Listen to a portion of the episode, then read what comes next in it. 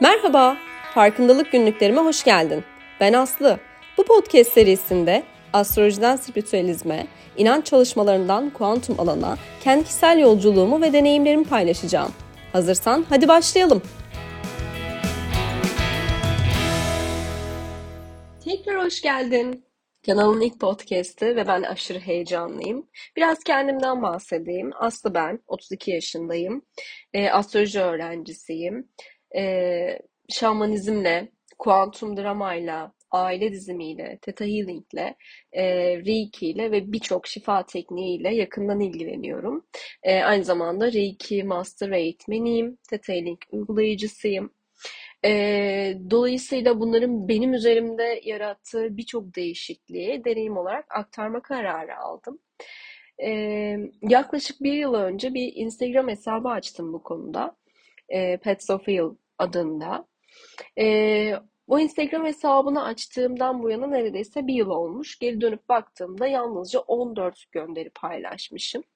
Normal şartlar altında bu normal sayılabilirdi tabii ki ancak benim kendimde fark ettiğim şey paylaşım için öyle kriterler koymuşum ki kendime aslında hiç hareket edemez olmuşum. Yakın arkadaşlarım bilir eskiden sosyal medya uzmanı olarak çalışıyordum. Tabii ki kendi hesabım için bu bir avantaj olmalıydı. Aslında mevzu hesabın ne kadar büyüdüğü değildi. Ancak bazen bilgiyi de kendimize hapsedebiliyoruz. Çünkü paylaşım kriterlerimden birisi algoritmaya uygun paylaşım yapmaktı. Bu cepte. Okey. Tabii ki bitmedi. Bir de karanlık bir dönemden gökkuşağı içinde çıkınca, burada bir parantez açıyorum, e, logom gökkuşağı.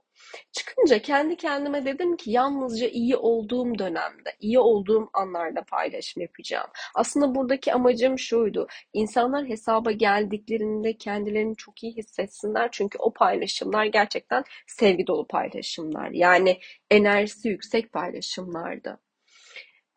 Peki nispeten kabul edilebilirdi. Ancak fark ettim ki insan olduğum gerçeğini görmezden geliyorum. İnsanız ve hayat hiçbir zaman düz bir çizgide ilerlemiyor. Bugün iyi olabilirim, yarın kötü olabilirim. Ve sonuncu kriterim yalnızca güzel olanı paylaşmaktı. Dediğim gibi hedefim e, hesaba gelen insanların iyi hissetmesiydi. Yani e, güzel enerjilerle karşılamaktı insanları. Güzel renklerle, güzel enerjilerle, iyi olan şeylerle karşılamaktı.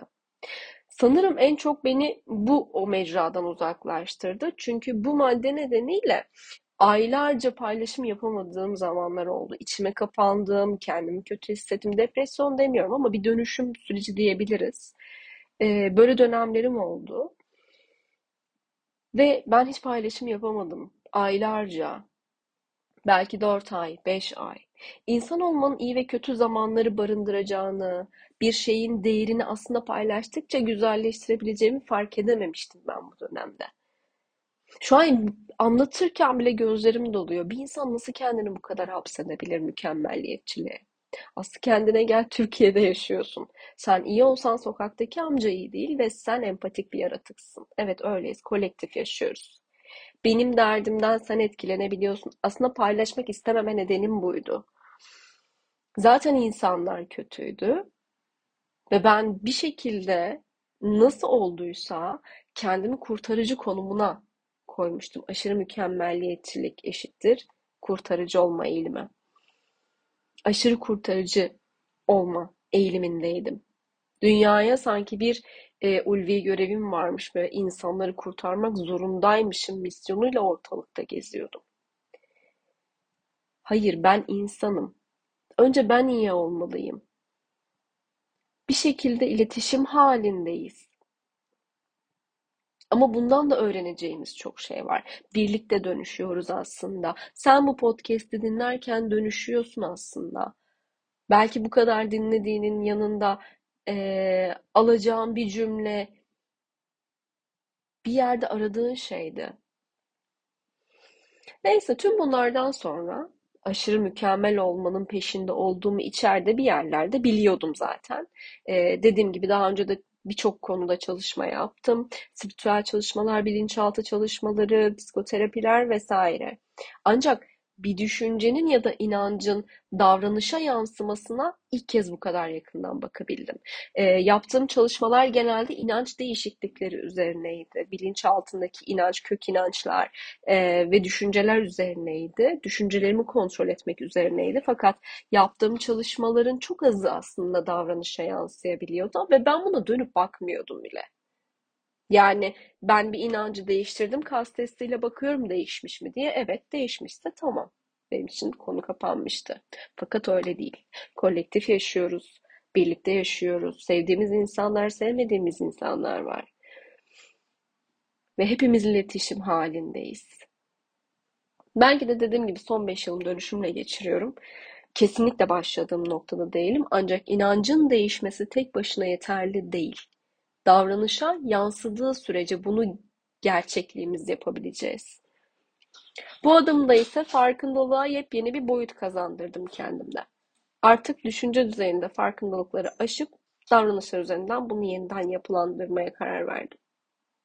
Son katıldığım çemberin bu farkındalık düzeyinde inanılmaz etkisi oldu. Sevgili Umut Özdever'in Plüto Akrep çemberi gerçekten gölge andırma yaklaşımında yepyeni bir boyut kazandırdı.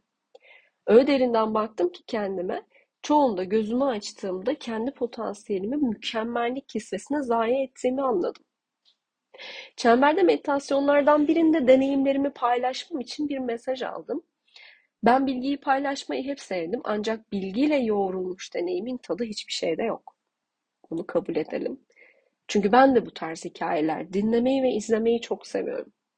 Sevgiyle aldım kabul ettim ve kendisine de bir kez buradan teşekkür ediyorum. Umarım dinlemekten keyif almışsınızdır. Sizin var mı peki kendinizde fark ettiğiniz bu tarz durumlar? Size kendinizin aşırı mükemmel olmanın peşinde hapsedenlerden misiniz? Yorumlarda buluşalım.